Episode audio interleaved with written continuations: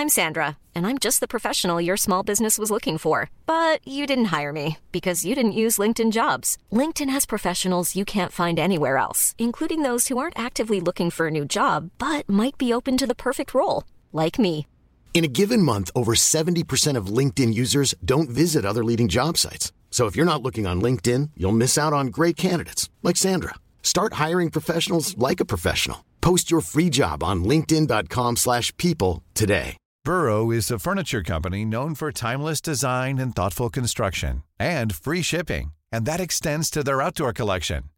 Their outdoor furniture is built to withstand the elements, featuring rust-proof stainless steel hardware, weather-ready teak, and quick-dry foam cushions. For Memorial Day, get 15% off your Burrow purchase at burrow.com slash ACAST and up to 25% off outdoor. That's up to 25% off outdoor furniture at burrow.com slash ACAST. There's never been a faster or easier way to start your weight loss journey than with PlushCare. PlushCare accepts most insurance plans and gives you online access to board-certified physicians who can prescribe FDA-approved weight loss medications like Wigovi and Zepbound for those who qualify. Take charge of your health and speak with a board-certified physician about a weight loss plan that's right for you. Get started today at plushcare.com slash weight loss. That's plushcare.com slash weight loss. plushcare.com slash weight loss. Jan Wifstrand är född i Lund 1954 och är en av Sveriges skarpaste ekonomijournalister. Efter avbrutna studier i både språk och juridik så blir tiden på Journalisthögskolan i Göteborg starten på nyhetskarriären. Med erfarenhet som chefredaktör för både Dagens Nyheter och Sydsvenskan driver Jan idag nyhetstjänsten Rapidus och sitter i bland annat handbollslandslagets styrelse. I det här avsnittet av Lunds stolthet pratar vi om hemligheten bakom lyckad journalistik, sitt livs enda strategiska beslut och att vara mittnia på Dagens Nyheter. Det här är Lunds stolthet.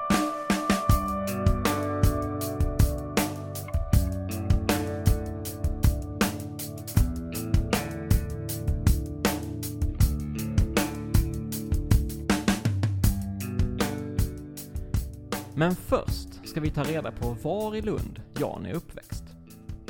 Ja, det är ju mitt i Lund på Botulsgården.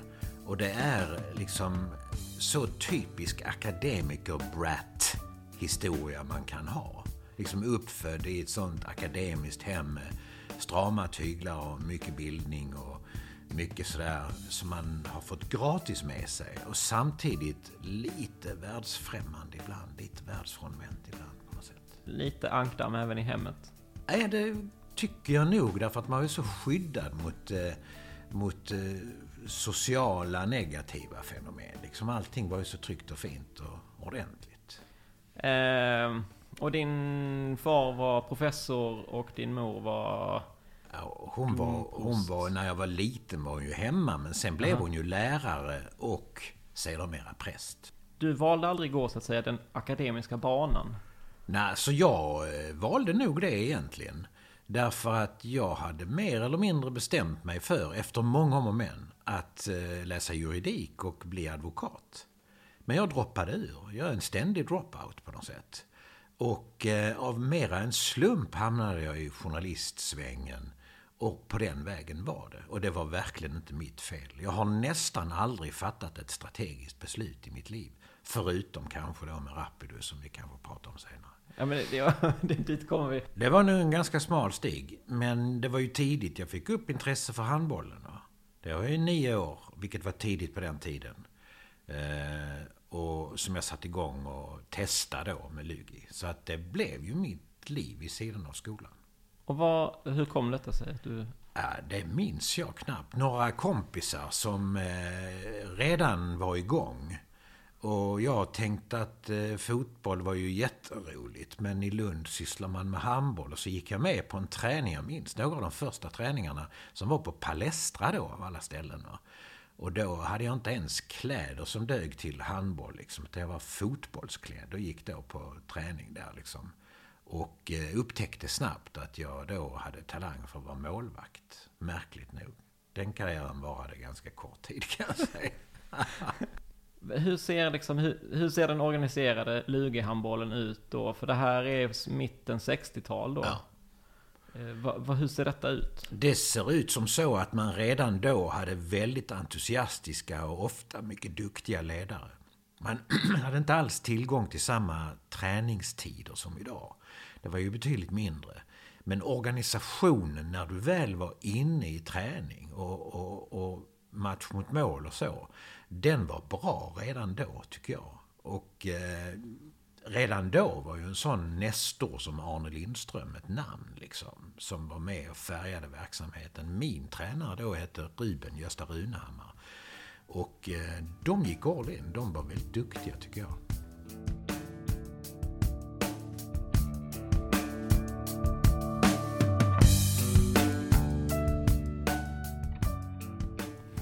Arne Lindström, han eh, färdas ju som... Eh, ja, han finns ju överallt. Ja. Eh, Ja. Ständigt återkommande. Ja. Till och med då mitten 60-tal Ja. är han närvarande i detta. Men var han med som tränare också? Eller? Han var med som tränare för er? Inte i allra första början för mig, men jag stötte på honom tidigt och såg då när han tränade lite äldre eh, pojkar då, än vad jag var. Och redan då byggde han ju en väldigt speciell eh, stil och kultur kring sig. Vad är det som gör Arne Lindström så speciell där? Ja, det är två saker. Det, jag har funderat på det och eh, jag tror att jag har kommit fram till vad det är. Och det är ju att han, likt många andra, hade en stor känsla för handbollen och stort sinne för sporten. Så hade han någonting som väldigt få har.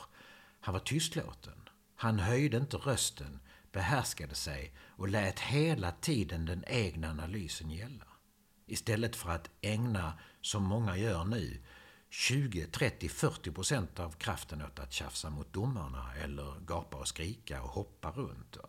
Han behöll hela tiden sin kyla för sin analys av spelet och tog det alltid lugnt. Och det var ett stort ledarskap, tycker jag, på det sättet. Vi ser få av den typen idag. Men vi ser också när det finns sådana så är det personer som jag tycker ofta har stor framgång med ett mera lågmält ledarskap. Just när man leder personer som man ändå vet vill en massa saker. Verkligen.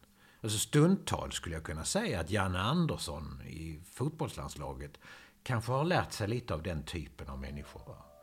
Eh, och eh, ibland när jag tittar på Thomas Axner så tänker jag att ja, han har taggat ner rätt bra till stor fördel för både lag och sig själv. Finns, eh, alltså, det finns ju fler av den sorten. Jag, jag säger ju inte att de har träffat Arne Lindström. Jag säger bara att det är ett ledarskap som präglas av någonting. Tycker kanske ibland att Mikael Apelgren, som nu har tagit över i Sävehof, har också det här att eh, ta klokskapen först. Sen kanske det kan gå till överdrift ibland också när taktiktavlan ska användas varje gång någon hostar. Va? Men, men jag tror på att Arne Lindströms tänk på 60-70-talet skulle behövas lite mer idag. Det tror jag.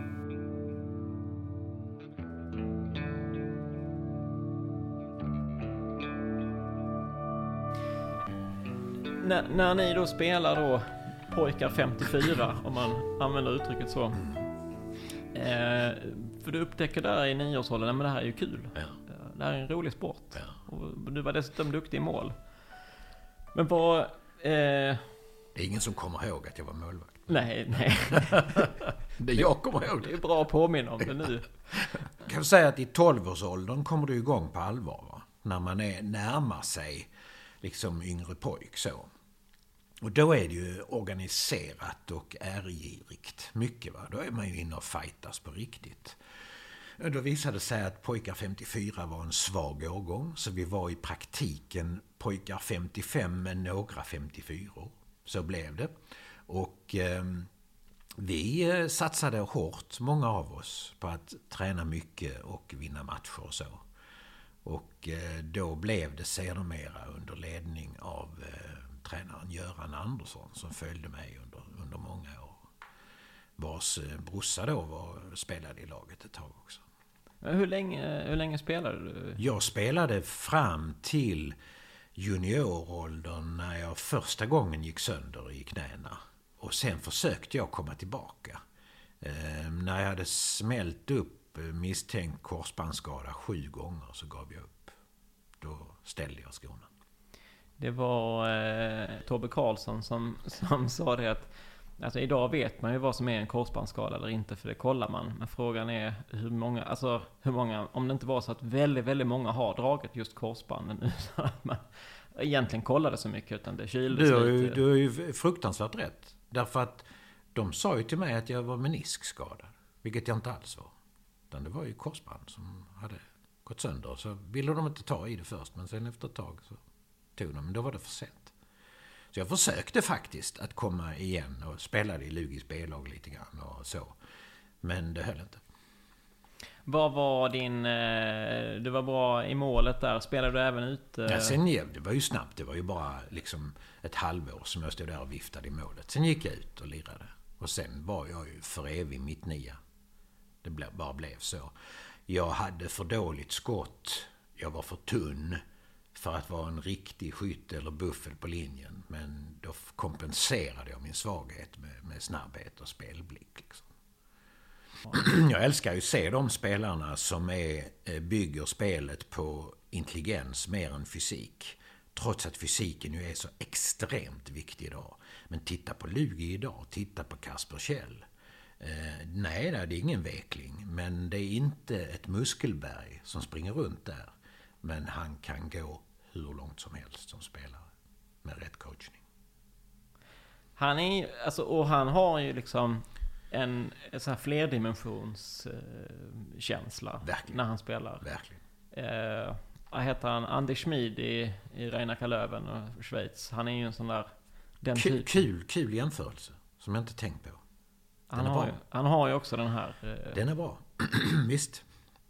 Han är snäppet större, och, Mm. eh, men han är också äldre. Så att, men men där, är ju den här intelligensen. Ja. Som, som... Det kommer bollar där man inte trodde att de... Bella Guldén Ja. är ju typen verkligen. va. Eh, Hon har lite mer fysiska förutsättningar. eh, Men har byggt hela sin karriär på det intelligenta handbollen. Eh, skulle, det finns massor av klyschor att säga här. Eh, Jag avstår från dem. För mig vet jag vad jag aldrig hade varit med om om jag inte hade gjort den handbollskarriären. För då hade jag hamnat i det där som så många svenska ungdomar gör. Då hade jag bara umgåtts med mina likar. Då hade jag aldrig träffat folk med helt andra förutsättningar i livet, med helt andra bakgrunder, med helt andra eh, stilar och intressen. Det fick jag ju genom handbollen. Verkligen alla sorters typer. Låt vara att det var i Lund, men även i Lund fanns det verkligen alla sorters typer.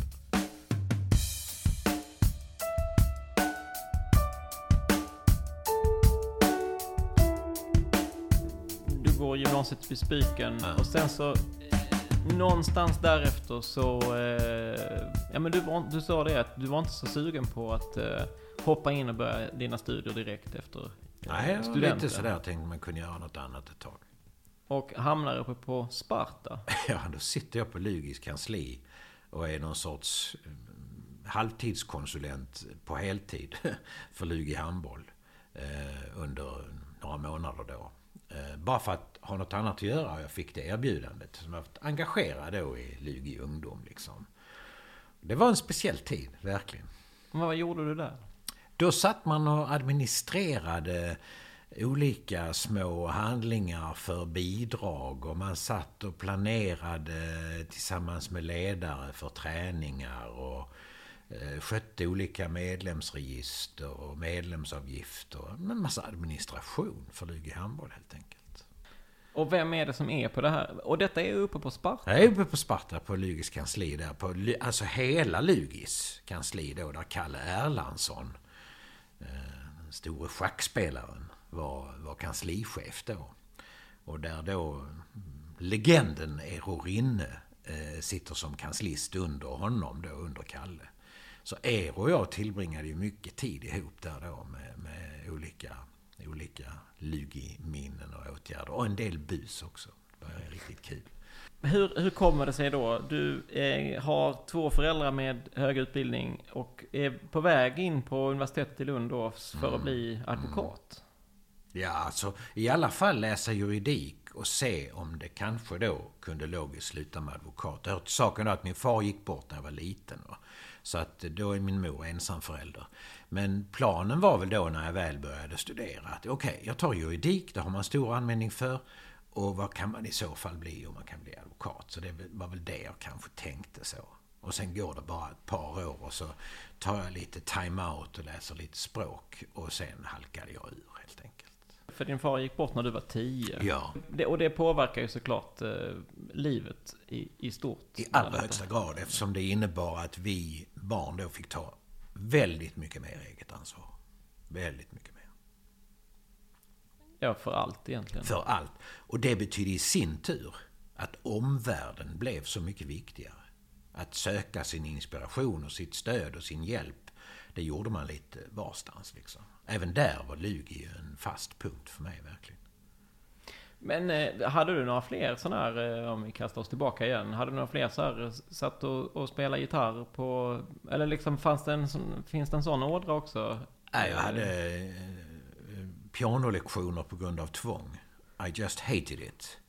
Och det har jag eh, sörjt och ångrat länge. För du har ju ett varmt musikintresse. Ja, i allra högsta grad. Men eh, det kom sen när jag blev av med det där. Jag tyckte det var skittrist. De begåvade syskon i musik och så också, men nej, det blev inget med det. Men hur gled du in på journalistyrket? Om vi nu... En, jag läste språk i England en termin. En kompis till mig var helt besatt av att komma in på Journalisthögskolan. Kille från Värmland. Jag frågade honom hur det gick till att komma in där. Och när han tyckte att jag frågade för mycket så sa han testa själv istället och så får du se hur det går till. Så kom jag in men inte han. Och det var ju lite snopet så. Så står jag där med en plats. Han kom in senare och blev en framgångsrik journalist för övrigt. Men ändå, det var lite töntigt. Där står jag då med en plats på Journalisthögskolan. Som jag inte har traktat efter. Och så tänkte jag, den var ju jätte, jättefint liksom att komma igenom alla de där testerna. får jag väl prova i alla fall. Så jag åkte upp till Göteborg och tänkte sen jag får väl åka hem efter 14 dagar när jag inser att detta är inte min grej. Och på den vägen är det. Det visade sig att det ändå var din grej. Ja, jag tyckte det var skitkul. Och den utbildningen fullföljde du? Ja. Den var inte så krävande om man jämför med juridiken. Piece of cake, själva utbildningen. Men svårt att komma in. Alltså det skönt på något sätt att du inte blev advokat tror jag. Ja, det tror jag med. Eller det hade, det hade varit väldigt roligt att se i och för sig. Jag tyckte Axel Sjöblad nämnde dig som ledare vid Ja, något det tillfälle. är ju ytterst smickrande att en stjärna som Axel Sjöblad kommer ihåg det. Men jag hade alltså en, under en period ihop med min gode vän Henrik Toremalm eh, pojkar 66-67. Ganska kort period. Och eh, Axel var ju då en av dem som stod ut verkligen som 67 Jag minns mycket, mycket väl hur jag sa till folk att eh, vad konstigt att man vid kanske 9-10 års ålder kan se en blivande stjärna. Och jag var häpen över hur rätt jag fick. Och det är inte lätt, för det där kan ju gå väldigt... Eh, Det kan gå hur som helst. Men på något vis hade den killen alla hästar hemma när han var 10 år. Det är rätt ovanligt. och det, men då var du där som ungdomstränare? Eller Ja, hur? ja, Ja. ja. Jag min- minns också mycket väl eh, lagets största stjärna då var ju Pontus Grönqvist. Och det var ju ingen dålig karriär han gjorde heller. Jag vet inte ens om Pontus kommer ihåg detta, men han var ju en väldigt, väldigt bra spelare redan då. Född 66 väl. Där är ju alltså, det är bara att jämföra med dagens Lugi-lag.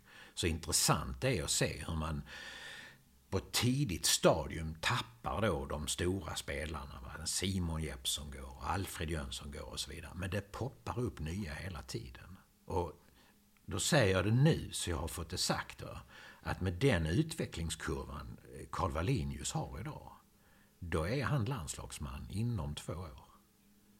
Han har ju gått från att vara en, en, en liksom wild and crazy skytt i största allmänhet till att vara en, en kontrollerad bombkastare om uttrycket tillåts. Han är otroligt lovande.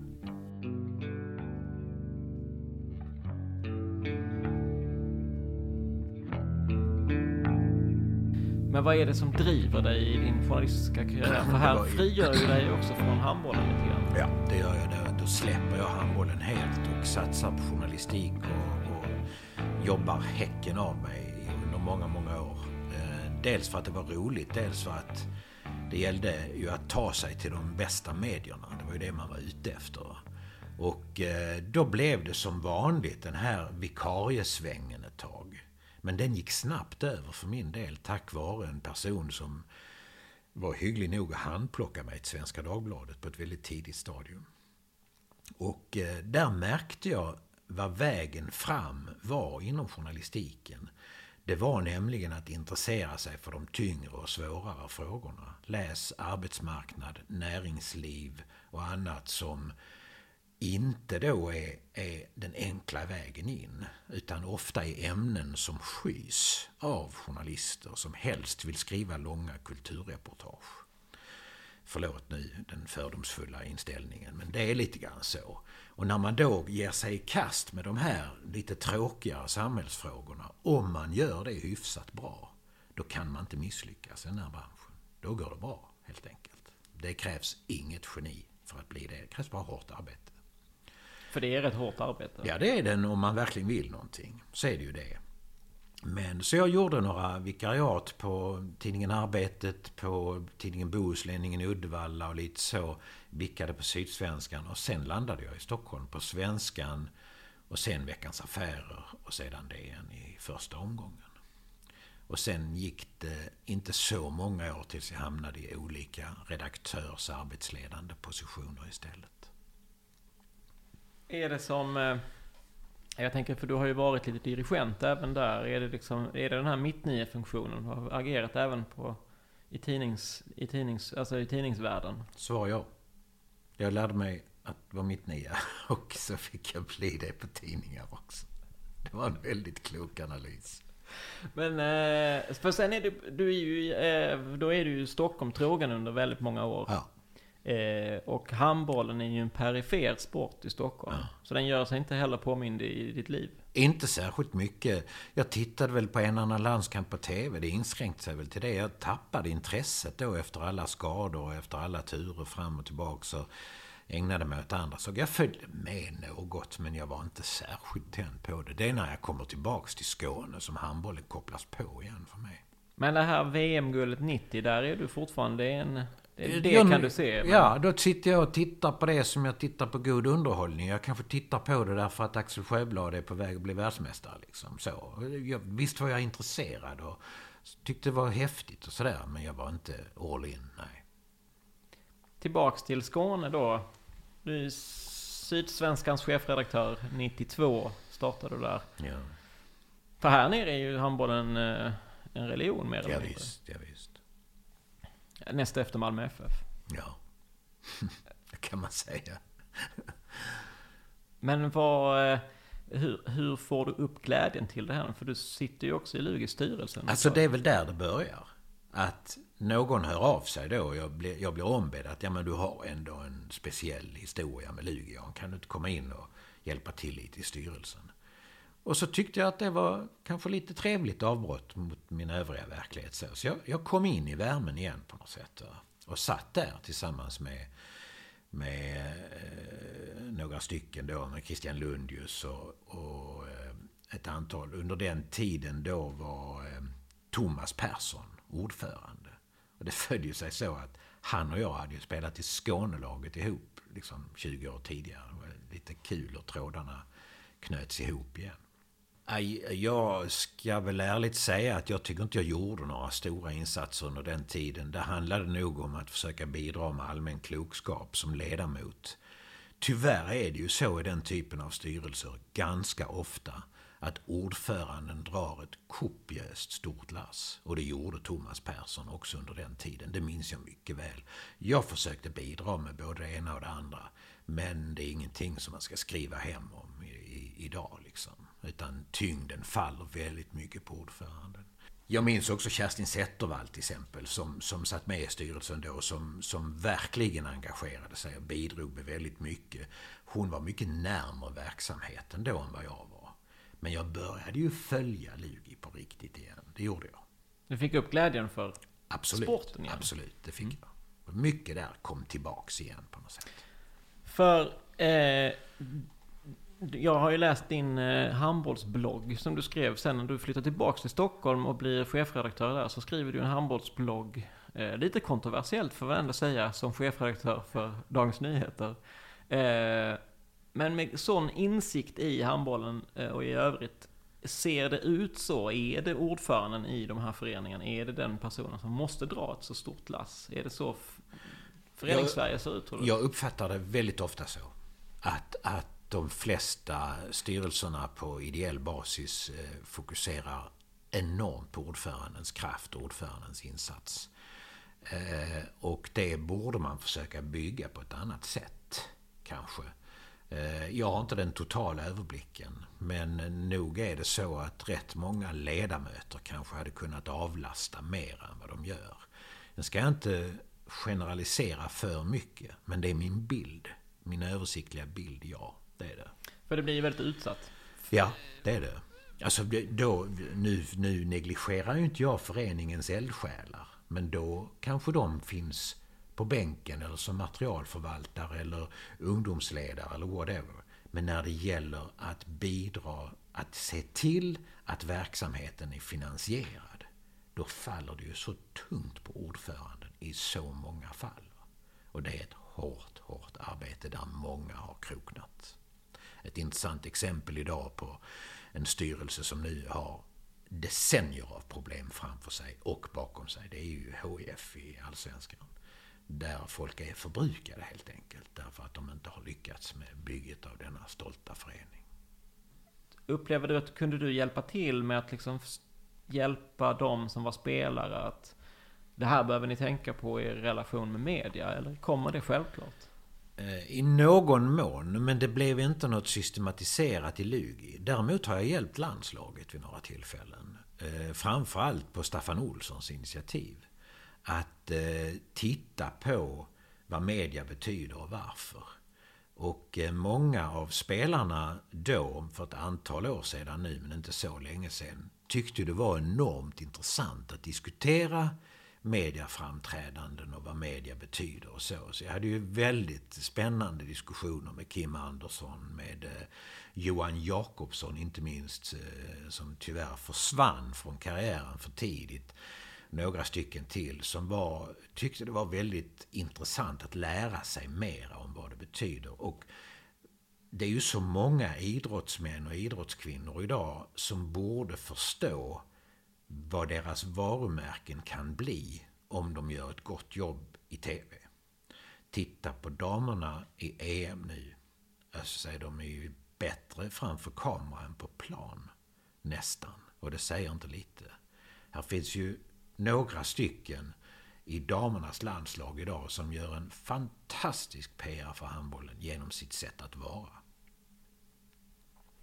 Där eh, är ju den eh, delen där man kanske också kan tänka sig, är detta en... Eh, för handboll är ju inte så kommersialiserad som vissa andra lagsporter. Jag höll på att säga tyvärr.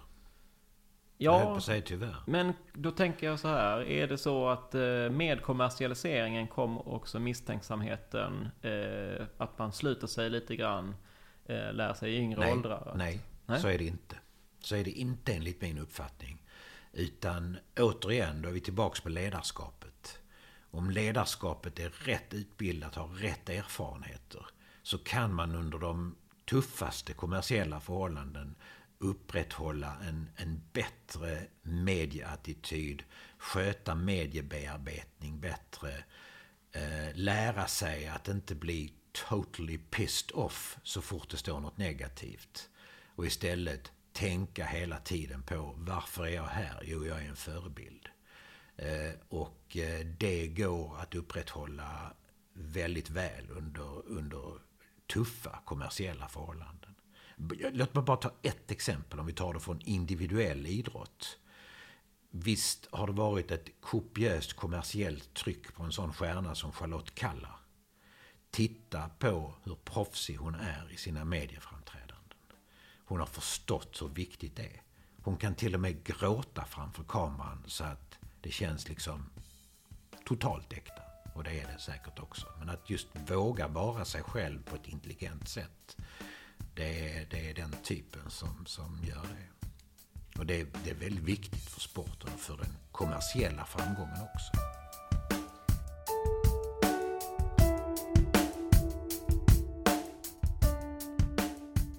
Sitter ju idag i svenska handbollslandslagets styrelse. Ja. Och eh, med erfarenheten från Lugis styrelse så tänker jag mig att du nu också bidrar med lite mer. Ja, Där gör jag nog lite mer faktiskt. Där, där tar jag nog lite större initiativ. Låt vara att, att det stora tunga arbetet vid sidan av VD Stefan Löfgren görs av Anders Nissen som ordförande. Men eh, kompetenserna utnyttjas väl. Det ser ordföranden till. Och skälet till att det här handbollslandslaget AB ägt av förbundet, skälet till att den styrelsen är intressant, det är ju att den befolkas inte av människor på grund av deras handbollsmeriter. Utan där sitter folk som är ombedda att vara med för att de på olika områden har unika kompetenser och dessutom på en glidande skala kan gilla handbollen. Eh, så att där finns en Ebba Kilman som är, kan, är oerhört duktig när det gäller digitala frågor och digital marknadsföring. Det finns en ny ledamot, Caroline Strindmar, som är expert på hållbarhetsfrågor. Hon har ingen särskilt djup förankring i handbollen. Där finns liksom folk som, som är ombedda att vara med för att bidra i en professionell verksamhet. Så borde många stora föreningar tänka. Titta dig omkring Mats på olika styrelser och se, är det här sammansatt efter att jag är veteran i föreningen? Eller är det sammansatt efter att man faktiskt har sökt kompetens? Där finns mycket övrigt att önska. Ibland kanske det är också så att man får ta det man kan få. Nej, det tror jag inte. Jag tror Tror att de flesta, de flesta känner sig kallade. De flesta tycker det är jätteroligt att vara med, hur ideellt det än är. Så tror jag de tycker det är väldigt roligt att bidra i, eh, i sådana här eh, betydelsefulla verksamheter som de stora idrottsföreningarna är. Din, din styrelsebakgrund inom handbollen den går ju också tillbaks till eh, VM 2011. Eh, och i min bild så är ju VM 2011, 2011 i Sverige då en av de första mästerskapen i Sverige där man knäcker koden lite grann för hur man kan göra just det här kommersiella mästerskapet. Var det ingången, ingångsvärdena in i det, eller in i det mästerskapet, att det var så här vi ville ha det? Eller var det en effekt av personerna, slumpen? Alltså redan då fanns det, Eh, fanns det några tillgängliga personer som bidrog oerhört väl till ett primärt professionellt tänkande kring vad mästerskapet skulle ge. Det fanns höga ambitioner kring att, att eh, skapa en kommersiell framgång. Och det fanns rätt så djupa kunskaper och stort engagemang kring hur man eh, sköter biljettförsäljning bättre än bara sådär. Eh, så att jag tycker att det var ett, inte fullt ut professionellt arbete, men eh, mycket högre professionaliserat än tidigare, som resulterade i en maffig vinst för förbundet på det arrangemanget. Där ska äran inte tas ifrån sådana personer som Karin Mårtensson på Malmö Arena till exempel, som det är ju en gudagåva att samarbeta med, den typen av, av chefer. Men det fanns också i förbundets eh, organisation, bolaget fanns ju inte då, eh, tillgång till personer som gjorde ett väldigt bra jobb. För det är efter detta som man startar bolaget, eh, tänker jag. Ja, det är det. Därför att man eh, fick in vinster som handbollsförbundet inte hade varit nära tidigare. Och då kände väl Hans Westberg, som var ordförande då, om jag minns rätt nu, att, eh, att eh, då eh, behöver vi ta ett grepp kring detta som gör att vi kan använda pengarna på ett smart och framåtsyftande sätt. Och det är ju redan då som linjen läggs, så att säga, att vi måste ju se till att vi förfinar detta till en ambition att ta hem mästerskap gång på gång. Vilket vi nu har gjort. Ja, för det är ganska många mästerskap som har varit i Sverige, eller i samarbete med andra länder. I, Visst, och i vi har Sverige. snart ett VM i Sverige och Polen 2023. Men vad, vad, vad var din roll i den här sammanslutningen människor här? Det var, det var ju väldigt mycket fokus för mig att eh, tänka medialt och tänka kommunikation.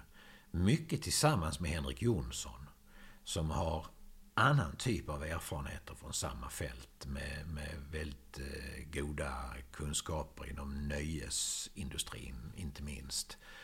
Eh, men eh, det handlar om att, att bistå och tycka och hjälpa till med att helt enkelt lägga upp en strategi för hur mediearbetet ska skötas. Den strategin är nästan ett självspelande piano idag tack vare Daniel Wanders insatser som presschef för landslagen. Han gör ett, ett utmärkt arbete. Och där kan man ju prata tillgänglighet. Eh, Så är ju Daniel Wander en praktexemplar. Han, han lägger ner väldigt mycket arbete på att sköta detta på ett bra sätt och få förståelse från spelare och ledare.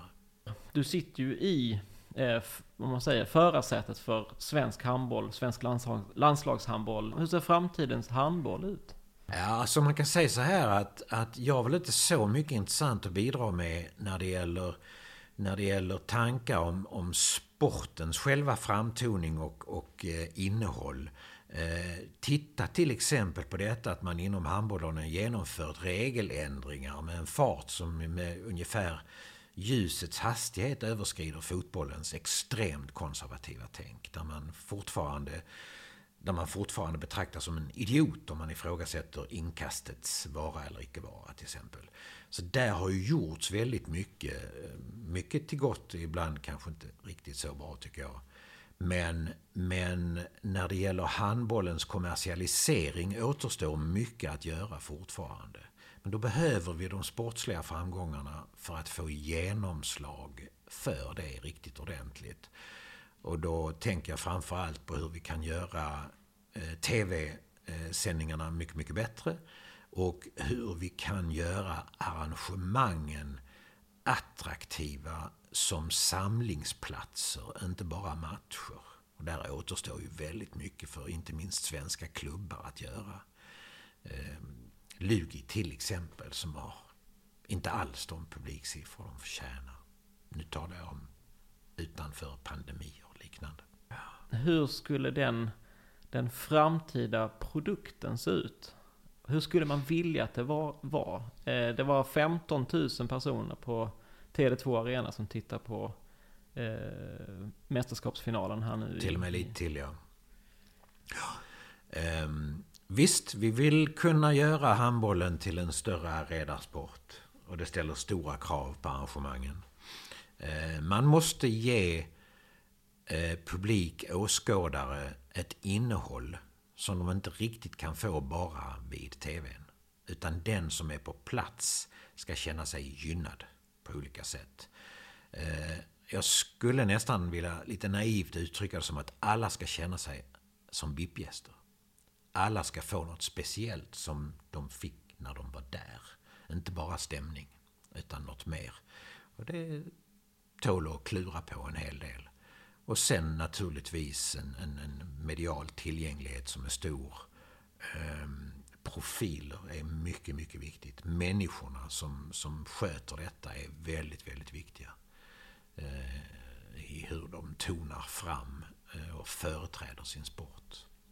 För jag, precis som du säger med äh, föreningarna har ett stort jobb att göra här. För jag upplever ju att upplevelsen i föreningsidrotten, eller de, alltså om man ser en vanlig SHE handbollsligamatch, så är det ju väldigt liten skillnad mellan det och snäppet under om du går ner på juniorsidan.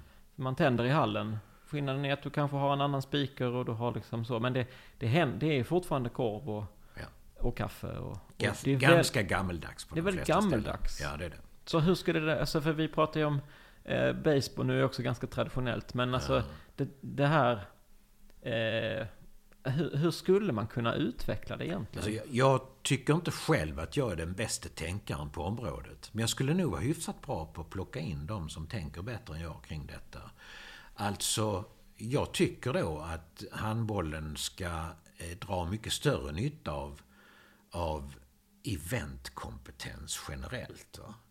Så att om du eller Johan Wester tycker till någonting på riktigt om Lugis arrangemang eller om, om eh, det finns folk i Göteborg eller Stockholm som är så eventtätt eh, verkligen har synpunkter på hur arrangemangen ser ut så ska man ta de synpunkterna till sig mycket, mycket mer. Kanske rent av våga investera lite mer i den underhållande faktorn kring event. Och sen kanske man ska modernisera utbudet av dryck och föda en aning.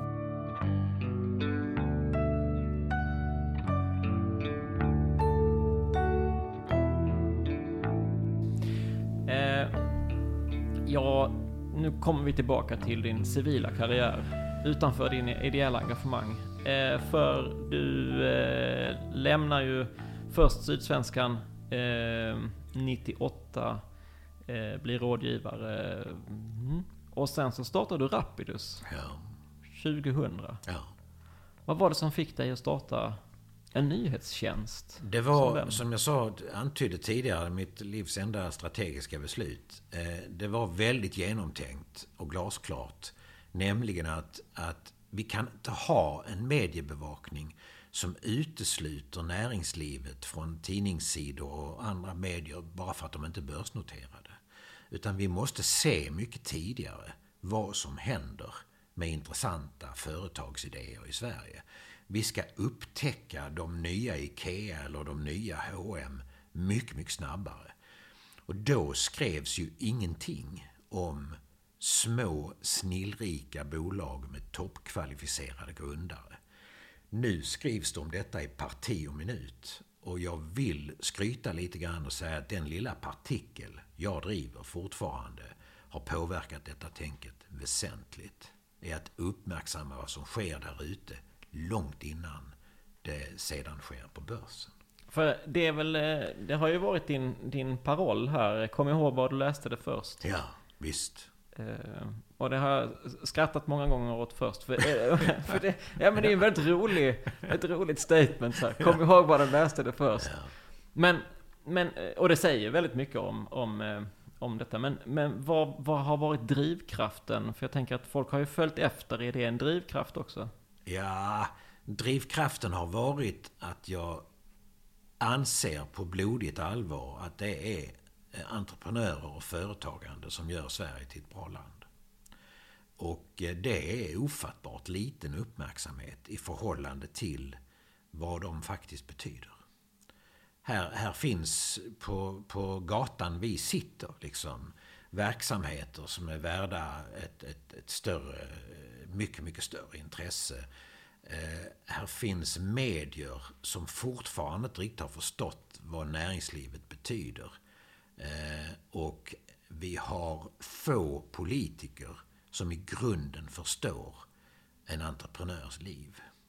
Och här, här görs ju storartade prestationer som skapar arbete, sysselsättning, intresse, image som är väldigt värdefulla. Så det är drivkraften egentligen. Det är att eftersom jag själv aldrig blev någon bra entreprenör så vill jag tala om för folk att titta här vilka entreprenörer vi har lysande de är. För att du är ju väldigt duktig på att hitta dem. Eh, och, och som sagt, kom ihåg vad den läste det först. Om ni inte är först med det så är det inte lönt.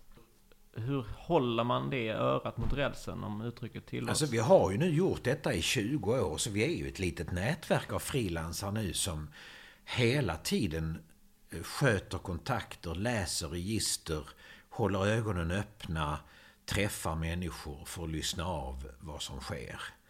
Eh, och eh, det innebär att vi har liksom en rutin, ett flöde av information som finns där långt före pressreleasens underbara liv.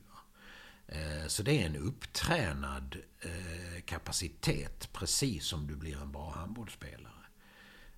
Och där ligger vi fortfarande väldigt, väldigt bra till med en tre, fyra unika skånska, skånsk-danska ibland näringslivsnyheter varje dag nästan. Eh, och eh, jag kan bara säga att folk skulle bli gröna av avund om de räknade på vilka pengar de hade tjänat om de hade investerat i de företagen vi själva har uppmärksammat som årets Rapidus-företag till exempel.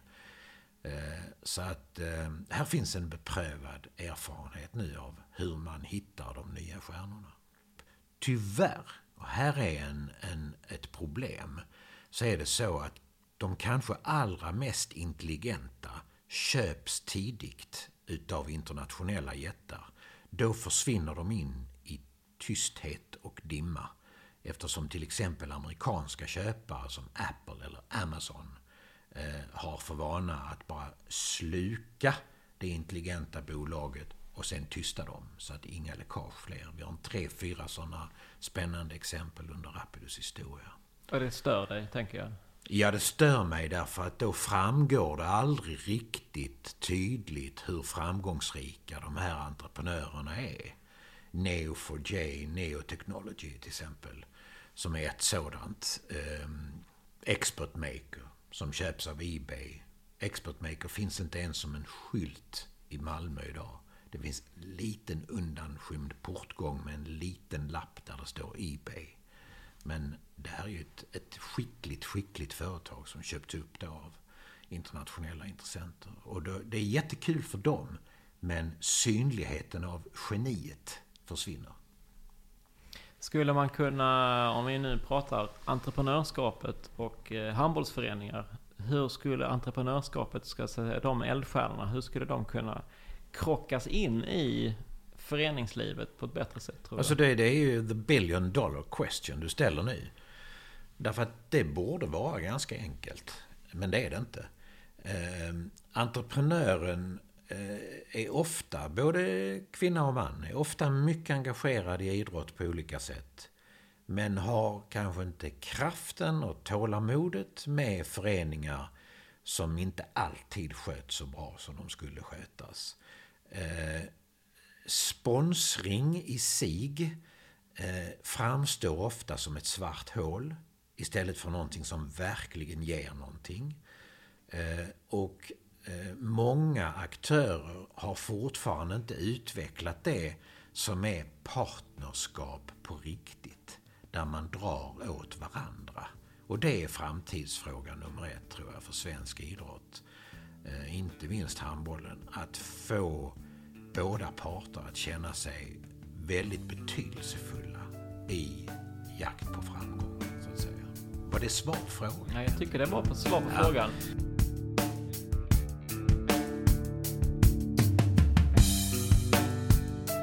Men det hade varit kul att se hur det kunde liksom... Hur man skulle kunna få ihop de två ja. krafterna lite bättre. Eh, men det här med partnerskapen, för det pratade vi om innan. Eh, hur duktiga handbollslandslaget har blivit på att hitta partnerskap. Eh, genuina partnerskap med de sponsorerna man har.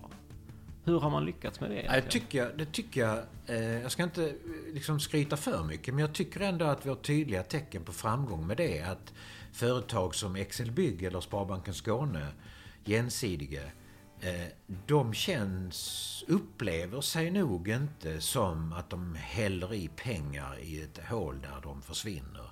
Utan jag tror att de uppfattar att här är värdefullt att vara med. Här, här får vi någonting tillbaka. Eh, det byggs utav naturligtvis eh, vidsynta företagsledare i de här företagen. Men det byggs också av företrädare för sporten som vill ha in partners i värmen på riktigt. Vår VD Stefan Lövgren, en dörröppnare av rang på grund av sin fantastiska handbollskarriär. Han ägnar ju väldigt mycket tid åt detta. Att kom ihåg nu, ni är med oss. Ni är inte bara i bakgrunden någonstans för att betala vår verksamhet. Ni är med oss på riktigt. Som vänner och partner. Och det är kanske en eh, liten klo för hur man skulle kunna även få föreningsliven att... Det är en stor klo. Det är en stor klo att man är mera innovativ och har mycket mer tålamod, ägnar mycket mera tid åt att bry sig om eh, näringslivspartnern på riktigt. Eh, förr skickade de stora allsvenska klubbarna en faktura en gång om året. Och sen var det nog med det och så satte man upp en skylt. Det där håller inte längre. Näringslivet idag är kanske mera intresserat av att stödja NGOs och, och goda syften inom välgörenhet och ideella idéer än att sådär bara per automatik pröjsa för höga löner till bortskämda hockeyspelare. Det är inte modernt på samma sätt. Modernt blir det om man ser att, att denna samhällsfostrande kropp, idrottsföreningen, ger någonting tillbaka till vårt anseende och vårt liv som företag. Hur skulle man kunna bli bättre på att faktiskt kommunicera detta? För det kommer inte fram idag. Jag höll på att säga, du använder ordet själv. Kommunikationen brister väldigt ofta. Eh, närkontakten mellan föreningen och sponsorn är inte alltid så stark om inte styrelsen är befolkad av sponsorer, vilket de ofta inte är. Eh, det tätare samarbetet är A och O. Måste lägga mera fokus på det. Och kanske mindre fokus på att hitta den överblivne spelaren i andra ligan i Spanien. Eh, och ösa för mycket pengar över den. Eh, utan du måste driva arbetet framåt i ett löpande samtal tillsammans med dem som är beredda att betala för varumärket. En sista fråga här. Eh, vem är Lugis bästa spelare genom tiderna? Ja, den är en skön fråga för den har jag funderat på lite då och då. Um, och då är det väl så att om vi börjar med damsidan så kan jag inte riktigt hitta någon där tror jag. Som nått motsvarande höjder som några av de allra bästa herrarna har gjort. Och älsklingssvaret från en kalenderbitare är naturligtvis att vi bara tittar på statistiken. Då är det Sten Sjögren som är Lugis bästa spelare genom tiderna. Så är det, statistiskt sett. Sten var en formidabel lirare som jag faktiskt spelade ihop med några gånger i Lugis reservlag i hans tidiga, tidiga karriär. Eh, och gjort fantastiska insatser i landslaget. Den spelare som för mig kreerade mest nytt som betydde mest för helheten och också kom in med en väldigt modern eh, speltyp. Det var faktiskt Claes Ribbendahl. När han kom till Lund och fick sitt stora genombrott i Lugi från Hallby så spelade han handboll på eh, framtidens vis. Eh, och var en mycket, mycket komplett spelare. Så för mig är han kanske den bästa Lugi jag har haft. Det tredje namnet jag kommer på det är, bara, det är den som satte sig snabbast på kartan. Den som hade störst wow-faktor av alla. Den som kom in i hallen och fick folk att tappa luften av what? Vad är det som pågår? Och det var Jon Hjaltalin Magnusson från Island. För när han kom till Lugi för evigheter sedan då levererade han ett eh, över hela banan skytte som var sanslöst. Jag har knappt sett den spelartypen mer som han var. Men Claes Rimmendal är nog min nummer ett faktiskt. Stort tack för att eh, du ville vara med här, Jan Wifstrand. Väldigt roligt att prata med dig. Hedersamt.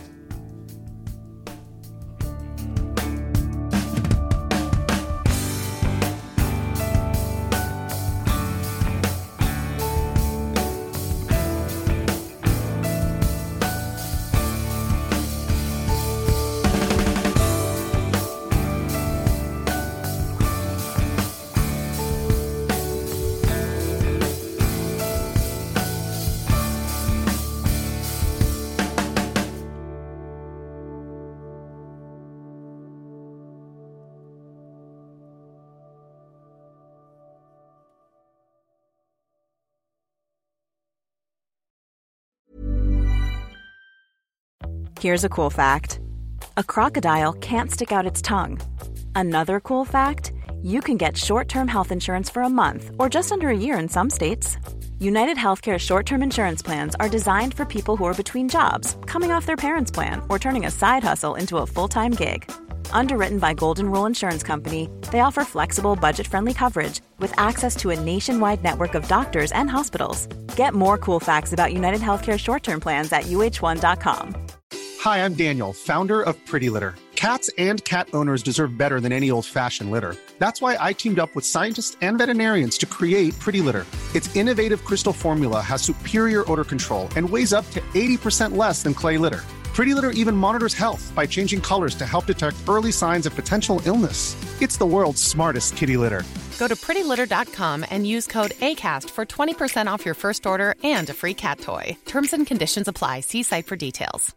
Mom deserves the best, and there's no better place to shop for Mother's Day than Whole Foods Market. They're your destination for unbeatable savings, from premium gifts to show-stopping flowers and irresistible desserts. Start by saving 33% with Prime on all body care and candles. Then get a 15-stem bunch of tulips for just $9.99 each with Prime. Round out Mom's menu with festive rosé, irresistible berry chantilly cake, and more special treats. Come celebrate Mother's Day at Whole Foods Market.